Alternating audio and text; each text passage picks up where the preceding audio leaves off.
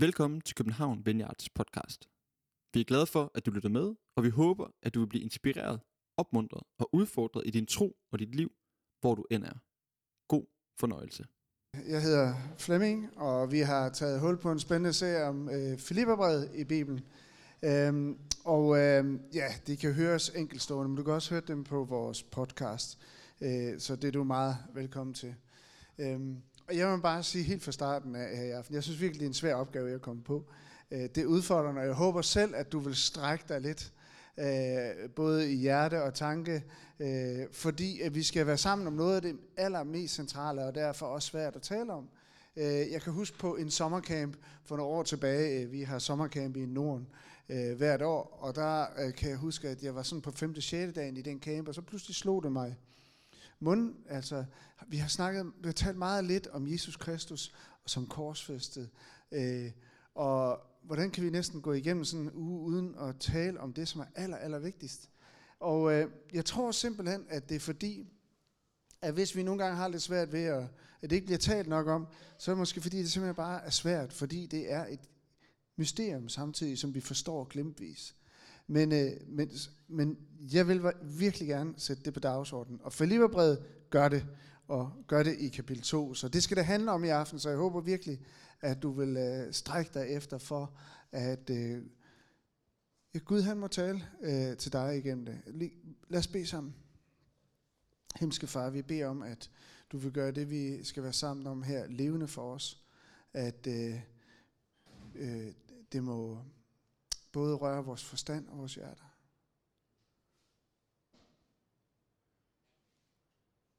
Så Helligånd kom. Amen. Ja, så brevet her, det omhandler altså den, handler om den første kirkeplantning.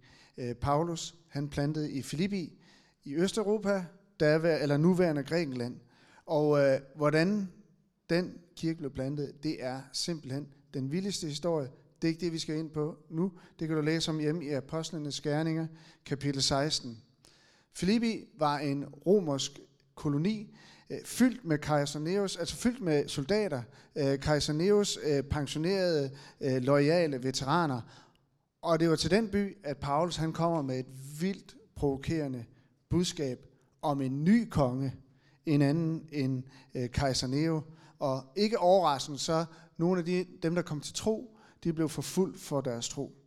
Det var så provokerende det budskab, at Paulus selv endte som kejser Neros fange, og sidder i fangehullet, mens han skriver det her legendariske brev, og det er det virkelig. Og det bemærkelsesværdige er, at øh, situationen på ingen måde havde kvalt Paulus begejstring for den nye kirke. Tværtimod. Men hvad er så det, der gør Filipperbrevet så enestående? Hvorfor er der så mange mennesker, som elsker det her brev, og hvorfor er det svært at læse det, uden at blive berørt? Måske, tror jeg, fordi brevet helt enkelt handler om livet med Jesus. Brevet handler om Jesus i vores liv. Det handler om Jesus i vores sind. Jesus som vores mål i livet. Jesus som vores styrke. Og især Jesus som vores glæde midt i lidelse. Så på trods af, at Paulus sidder og skriver det her brev, og det vi skal læse om lidt, fra et fangehul, uden at vide, hvornår dørene igen bliver åbnet for ham, hvis nogensinde, så råber brevet alligevel højt af triumf.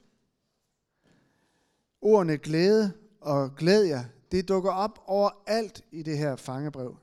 Brevet handler om, at at det at følge Jesus, det kan fylde os med glæde, uanset vores omstændigheder, uanset hvad vi gennemgår her i livet. Og Filipperbrevet er også blevet omtalt som et ressourcebrev i tider med lidelse. Så det her, det er altså Paulus allermest trøstende brev, der inspirerer os til i modgang, i din modgang, at leve med stor taknemmelighed. Opmuntret af trøstende nøglevers, som, og nu nævner jeg den bare lige i flæng, du kan finde den rundt omkring i brevet. Til for mig er livet Kristus og døden en vinding, siger han. Han siger, glæd jer altid i Herren. Jeg siger er der, Glæd jer, og det er imperativ. Vær ikke bekymret for noget, men bring i alle forhold jeres ønsker frem for Gud i bøn og påkaldelse med tak. Så skal Guds fred, som overgår al jeres forstand, og øh, be, vil be, øh, bevare jeres hjerter og tanker i Kristus Jesus. Og så er der andet, en anden sætning. Alt formår jeg i ham, der giver mig kraft.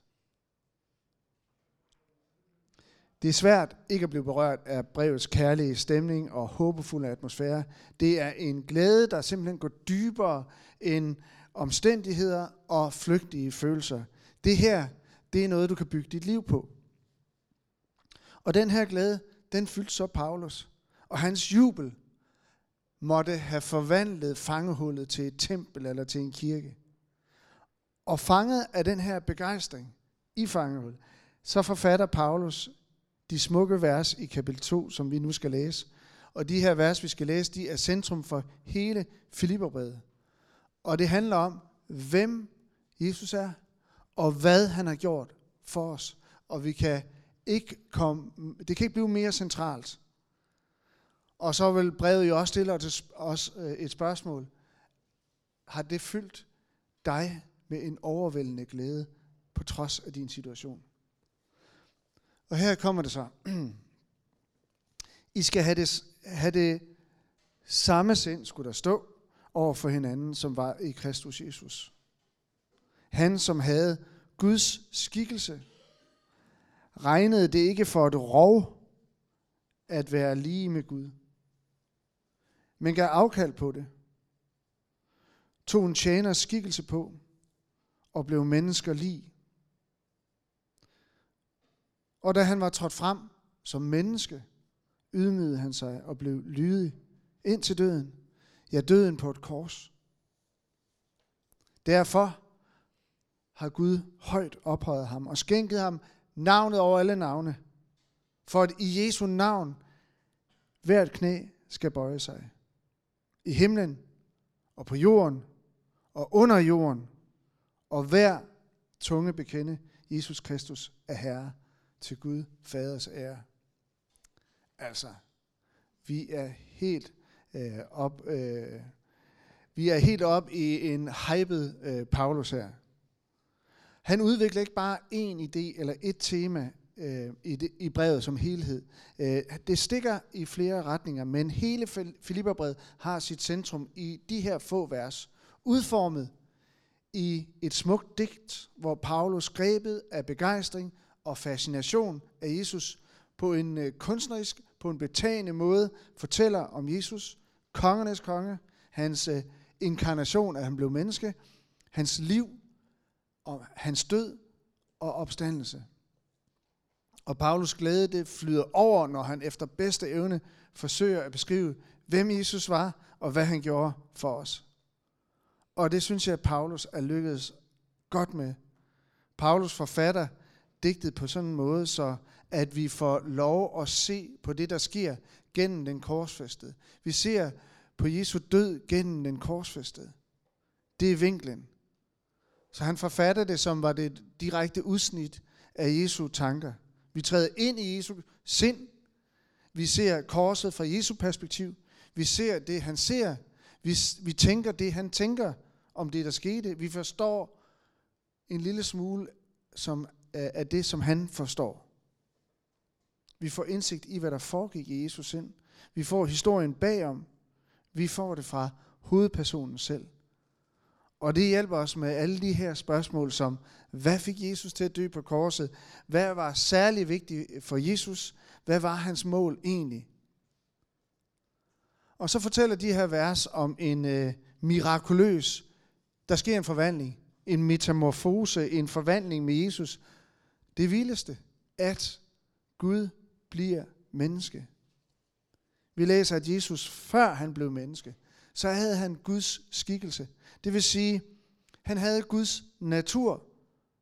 Jesus, som havde, står der, Guds skikkelse, regnede det ikke for et rov at være lige med Gud. Så her beskrives Jesus og hans øh, øh, skikkelse, før han bliver menneske. Og så meget mere ved vi ikke om det, øh, før han blev menneske. Men nu sætter digtet her fuldt fokus på den helt store forvandling, der sker med Jesus. Han, som havde Guds skikkelse, regnede det ikke for et rov at være lige med Gud, men gav afkald på det, tog en tjeners skikkelse på og blev mennesker lige. Og hvordan den her gådefulde forvandling fra at være lige med Gud til at blive lige med mennesker skete, det ved vi naturligvis ikke. Bibelen forsikrer os bare om, at det skete. Rejsen fra himmel til jord begyndte altså med, at Jesus gav afkald på at være Gud for at blive menneske. Egentlig så står der, at han tømte sig selv i betydning, at han gav slip på det, han var, for at blive det, vi er. Det kommer af det græske ord harpagmos og forekommer kun det her sted i Bibelen. Og det øh, betyder noget i retning af at røve eller plyndre, tage med vold, afpresning. Så i betydning, at han blev ligesom plyndret fra, øh, for, fra at være lige med Gud. Så Jesus han giver altså afkald, kenosis, afkald på at fremstå i Guds skikkelse. Men det betyder ikke, at han nu var mindre end Gud. Og det må jeg bare understrege. Det gør, hvad du ikke har tænkt dig, da du kom. Hvor meget betyder det, og betyder det ikke? Men det betyder bare rigtig meget, sådan rent teologisk. Jeg skal lige prøve at forklare. Der var en øh, fransk reformator og teolog, der hedder Calvin. Han, han siger sådan her, øh, Christ, in, jeg kan måske bedre sige det på dansk, og så kan jer, der kan, ja, så kan I læse på engelsk. Øh, Kristus kunne ikke afvikle sig selv for sin guddommelighed, men han holdt det skjult for en tid. Han lagde sin herlighed til side i menneskers øjne. Ikke ved at gøre den mindre, men ved at skjule den. Så altså forvandlingen, metamorfosen, betød altså ifølge Calvin, ikke at Jesus ikke længere var Gud, men blot at hans fremtræden som Gud var skjult og lagt til side. Og det er altså bare vigtigt at fastholde, og det er derfor, øh, at Jesus har to naturer. Det er vigtigt, når vi taler om, at Jesus, han stadigvæk er Gud, at øh, det er ikke bare Jesus som menneske, der dør på korset for os, men det er Jesus, som også er Gud, der dør på korset for os. Gud selv dør på korset. Og det her med Jesu to naturer, det var faktisk en, ligesom en, en prøvesten for mange af de første kirker, der opstod i de første århundrede efter øh, Paulus, øh, som gik i alle mulige retninger. Og det man prøvede det på var blandt andet, om de fastholdt Jesu to naturer. Altså, forvandling betød, at han blev helt menneske som os, for at vandre igennem livet, som vi må gøre det. Det vil sige, på samme tid, helt Gud, og helt menneske. Og der begyndte han jo så sin vandring i en stald. En begyndelse helt forbundet. Det gjorde han for at blive det, vi er. Og derfra følger Jesus os hele vejen til den bitre ende, for at vi kan få lov at følge ham hele vejen til den vidunderlige afslutning, hvor alle skal bøje knæ for Jesus Kristus, hele skaberværkets konge. Altså, det er ikke en gudstjeneste, hvor at der er nogen, der ikke dukker op, kan jeg love jer. Det her, det bliver den sidste øh, afsluttende gudstjeneste, hvor alle vil være med, troende som ikke troende. Det er det her, altså på jorden og under jorden, alles tunger skal bekende, at Jesus er Herre. Jeg synes, når jeg kommer der til i Bibelen, jeg har altid undret mig over, hvor er det sindssygt øh, provokerende, ikke? Altså, også for eksempel at skulle snakke med et andet menneske om det, som intet har med, jamen, der kommer jo en dag, hvor du skal bekende Jesus som Herre. Der kommer en dag, hvor du skal bøje dine knæ. Ultimativt. Sig hvad du vil. Gør hvad du vil. Alle skal ultimativt bøje knæ for Jesus som Herre. Det er det, Bibelen siger her. Det kommer til at ske. Det er jo vanvittigt provokerende.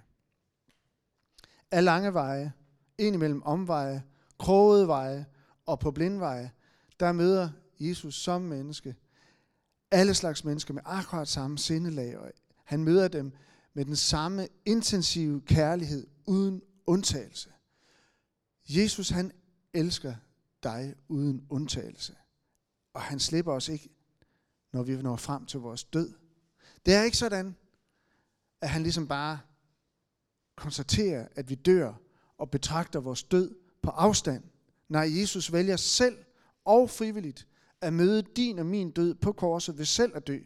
Den udødelige gør sig dødelig Han dør vores død. Han må dø vores død, for os at det besejrer vores død. Så syndens løn af, døden, står der i Rombrevet. Det er det sidste, det er det ultimative, den her verdens ondskab kan gøre. Det er at tage et menneskes liv. Og det besejrer han. Den, døde, den udødelige underlader sig vores død, intet holdt han tilbage. Så langt går han for os. Så langt vil han bære os. Så meget vil han gøre for os. Jeg fandt et citat af en dansk præst. Alt er givet os af ham, som gav det hele væk. Så han til sidst intet havde, bortset fra kærligheden. Og den gav han også bort. Gratis. Og verset her gav afkald på, det lægger meget vægt på, at forvandlingen med Jesus var et frivilligt valg. Han valgte at give afkald på alt det, han havde, og indtil han kun havde kærligheden tilbage. Og det er den akkurat samme frivillige generøsitet, Jesus viser med sine sidste anstrengelser, mens han hænger på korset, og med sine sidste ord, lige inden sin død, øh, øh, bønfalder Gud og beder, far, tilgiv dem, for de ved ikke, hvad de gør. Og det var de bødler, som stod neden for korset, han bad for, med begrundelsen, de ved jo ikke, hvad de gør. Ja, Jesu kærlighed havde, havde ingen undtagelser. Han gav sig selv fuldt ud, endda for sine bødler. Det her, det er noget, vores verden ikke forstår. Og det var vigtigt for Jesus, for Jesu perspektiv, at få sagt, at det var ham selv, der valgte alt det her. Det var ham selv, der valgte at blive menneske, at ydmyge sig og dø hvor, øh, vores død. Det var helt igennem en personlig beslutning og handling. Ydmygelsen var frivillig, den var selv valgt, den var selv pålagt. Og Jesus havde selv øh, sagt tidligere, større kærlighed har ingen end den at sætte livet til for sine venner. Hvilket Jesus viste øh, ved på vores vegne at gennemgå korsets redsler. På vores vegne. Og nu bliver det svært. Nu kommer vi til noget, jeg ikke rigtig kan finde ud af. Det er nemlig Jesus stedfortrædende død. Op igennem historien, så har teologerne arbejdet med det her mysterium. Hvad er det, der sker? Hvordan kan man sige, at han træder i stedet for dig på korset, og du derfor bliver tilgivet for din synd? Og jeg må sige, jeg skal nok sige lidt mere om det, men det forbliver et mysterium. Og det bliver vi nødt til at acceptere, at det kommer vi ikke til at forstå fuldt ud. Men forstå det i glimtvis. Jeg har haft brændeovn det meste af mit øh, voksenliv og kløet træ. Og indimellem så har jeg haft sådan store egetræsknuder, øh, egetræsblokke. Og hvis man skal kløve sådan noget, når det er blevet alt for tørt, så, bliver man, så må man ikke banke lige med ind i Så tager man det ud ved kanten, og så skralder man det af. Og til sidst så bliver man i mit øh, tilfælde, øh, så får den et spark. Og så kan jeg tage den, så kan jeg tage fat i den senere.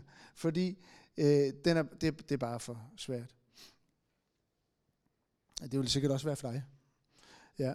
Øh, nå, men øh, sted for, så det samme her med, med korsmysteriet, vi kan se en smule af det, men det er svært bare at, at, at, at, at flække den her øh, knude.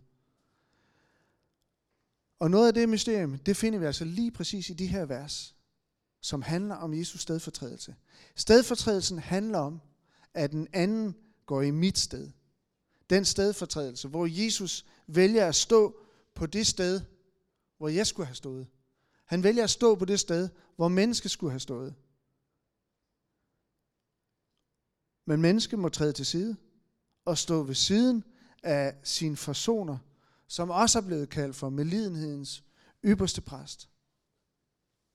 Han kan som den eneste sætte sig helt ind i offerets sted, i mit sted. Men han gør det som et uforskyldt, syndfrit øh, og stedfortrædende offer.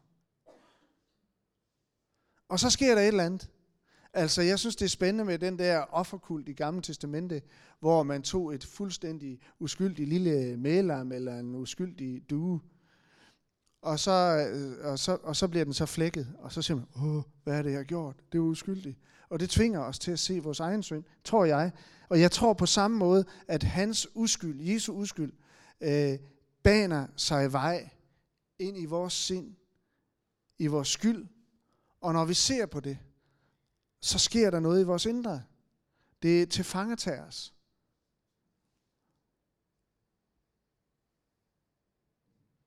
Jo jo, vi kan jo godt, jeg vil bare lige sige, det jeg sagde lige før her, det står helt for egen regning. Øh, ja, du kan godt, og jeg kan godt forsøge ligesom at efterligne Jesu forbillede på sand medfølelse, øh, medfølelse og stedfortrædelse. Et langt stykke hen ad vejen. Men øh, vi kan aldrig helt og fuldt ud stedfortræde vores næste.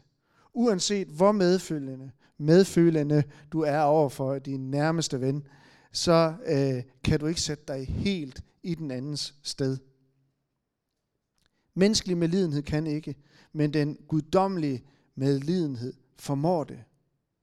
Gud blev menneske og led mere end alle andre, fordi han både led fysisk af smerte, men han led også i sin medlidenhed med os. Han elskede os, som ingen anden har gjort. Jesus han var den lidende, hvis ubetinget eneste trøst var at trøste andre. Kun han kunne sætte sig fuldt ud i det lidende offers sted, lige meget hvad offeret var blevet og stadig udsættes for. Men når det handler om det her med, det er stadigvæk svært, ikke? fordi det handler om, at han soner menneskets synd på korset. Ja, det kan vi så bare lade ligge, og så lade være med at tænke over mere. Men altså, det er jo bare fuldstændig det centrale i hele kristendommen. Det er jo det, det handler om. Hvis man vil sige ja til at følge Jesus, så er det det, øh, man tager imod. At det gjorde du for mig. Når det handler om menneskets synd, øh, så er det bare svært. Og her nøjer han ikke med at vise medlidenhed, fordi det er netop på korset, det der sker, det er, at du og jeg som sønder, vi træder til side, og Jesus han træder i vores sted. Og så kan man godt tænke igen, men er vores øh, synd da så alvorlig? Altså, hvem siger, at jeg er en synder? Det kan man jo godt sidde med et spørgsmål om. Nogen øh, gør. Øh, men altså, man kan jo betragte, altså det kommer an på, hvordan man snakker om synd. Synd kommer jo af, at øh, græsk, øh, det græske ord, der bruges, det, det er hamatia, og det betyder, at man faktisk forfejler målet. Så på en eller anden måde, så handler det jo om mere end moralsk synd. Og hvem kan i øvrigt se sig fri fra øh, moralsk synd? Det kommer an på, hvad moral man har. Men det er langt større end det her. Synd i Bibelen er et langt større begreb. Det handler simpelthen om grundlæggende at leve i sin bortvendthed for Gud, at forfejle sit mål og kurs her i livet. Det handler om tiden, der går, og aldrig ligesom stopper. Det handler om livets forgængelighed. Det handler om, at vi skal dø. Det var vi aldrig nogensinde skabt til.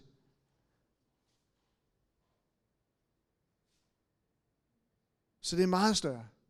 Og når du, vi, vi kigger på medierne, jeg, jeg synes bare, de sidste fem år og fuldt medier, hvad der sker i vores verden, det viser det med al tydelighed, at vi er på fejl kurs på vores planet, og vi faktisk ikke selv kan vikle os ud af det.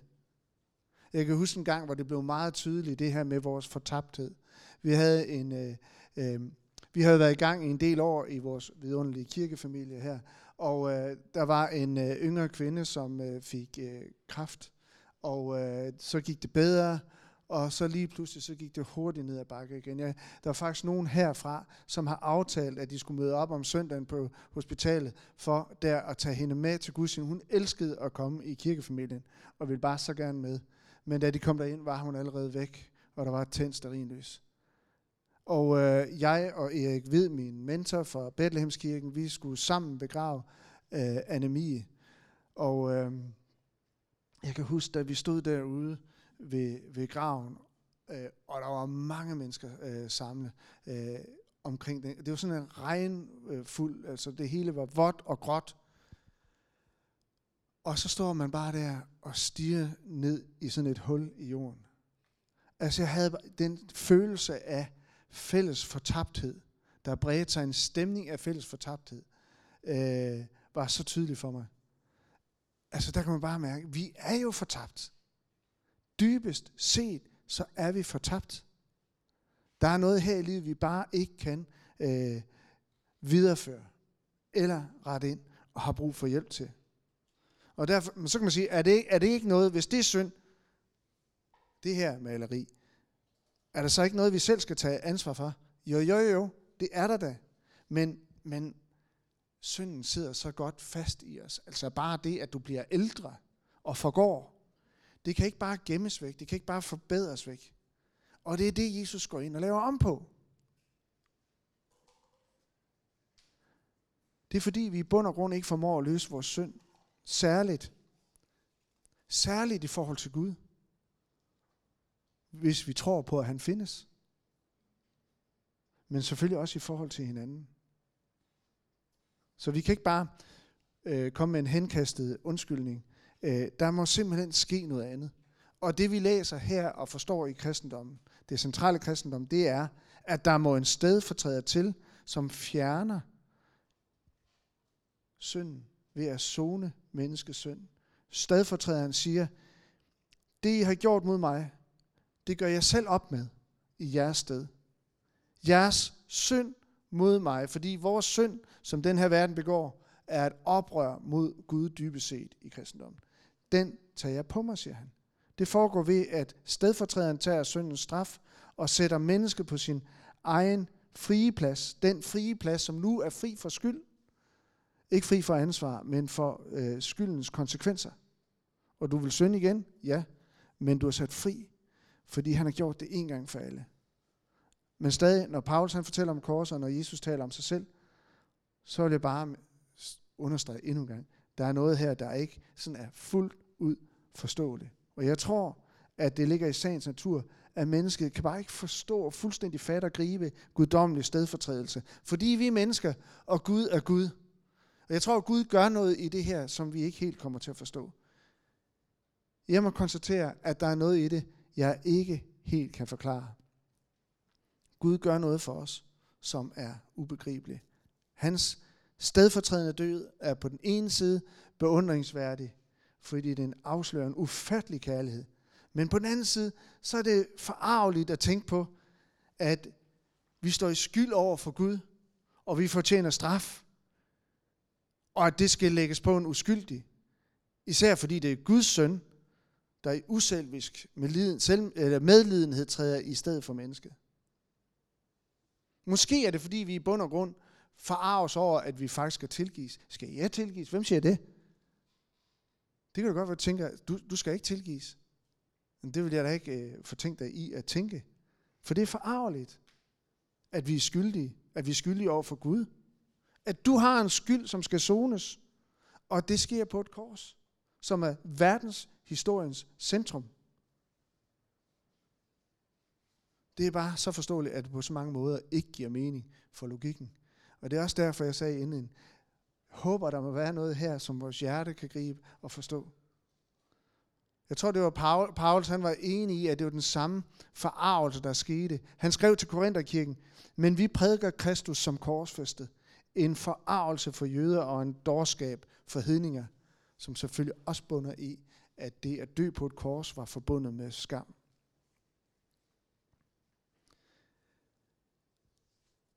Kan I bare lige holde til fem minutter til, og så sagde jeg ja? Oh, men når I presser mig. Når I presser. Det er bare lige for at nævne, at der er nogen, der har arbejdet med det her igennem flere århundreder, de sidste par tusind år. Og dem, der har arbejdet med det, øh, den her stedfortrædelse, den her forsoningslære, de er kommet op med, og nu siger jeg det bare lige, så kan du lige putte det i rygsækken, og så øh, tænke over det en anden gang. Tre forskellige retninger, som jeg synes er vildt spændende at beskæftige sig med. Og emnet her, det dykker ned i, hvem var Jesus, og hvad gjorde han? Og det er lige præcis det, Filipper brevet 2 handler om. Og der er tre retninger. Der er det, der man kalder for den objektive forsoningslære, hvor Jesus han er stedfortrædende for os, og han tager vores straf på sig, den vi er skyldige over for Gud med, den tager han på sig og øh, bliver straffet. Øh, og så er der den subjektive, der kunne siges meget mere om, jeg skal også bare nævne det, så er den subjektive forsoningslære, hvor vi har et problem, men Gud klarer det så at sige med sig selv. Altså, den treenige Gud øh, bliver til menneske og dør på et kors og klarer den med sig selv. Og vi lever efter hans næste kærlige forbillede. Subjektiv forsoningslære. Så er der den klassiske forsoningslære, som den lutherske kirke, reformerede kirke, lægger meget vægt på, Øh, at, øh, at den sted, det der sker er, at den stedfortrædende Jesus overvinder døden og satan.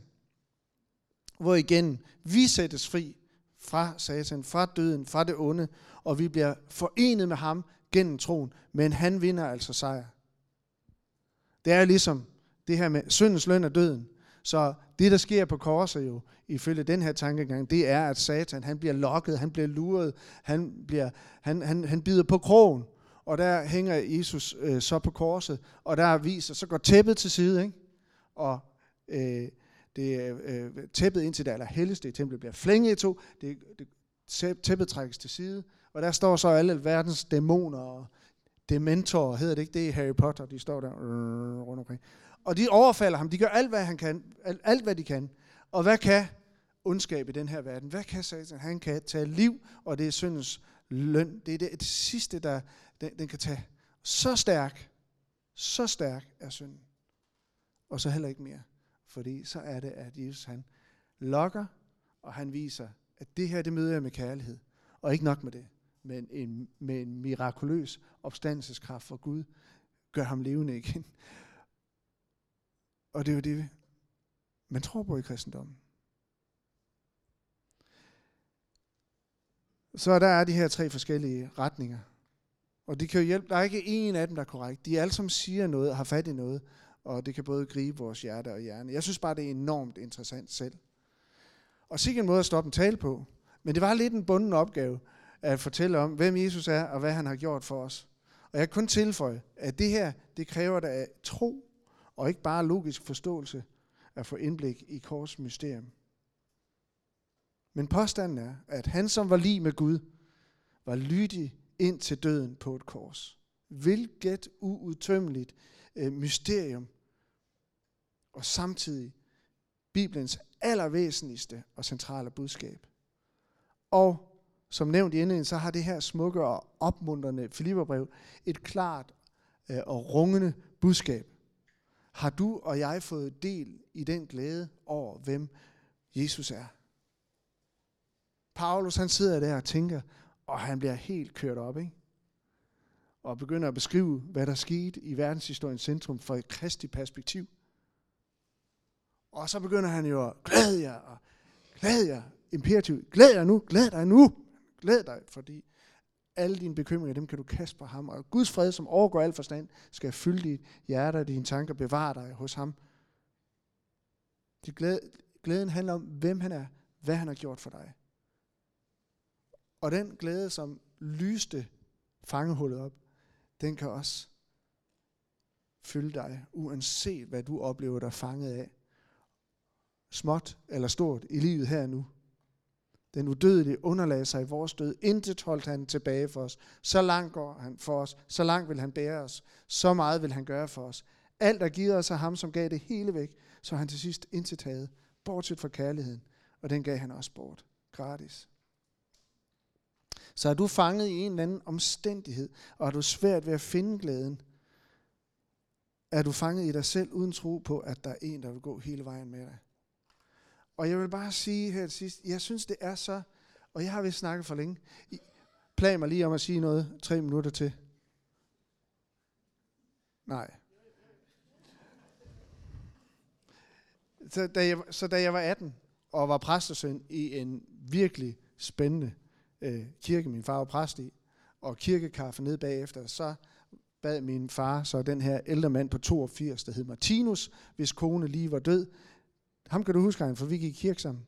Og hans kone var lige død, og jeg tænkte, der var ikke så meget at se frem til, vel sagtens her i livet. Og han var sådan lidt en statlig mand, og lidt stolt, og jeg var sådan lidt Og så, når han så bad afsluttede den kirkekaffe der, så bad han som et barn, der overgav sig trygt i Guds hænder.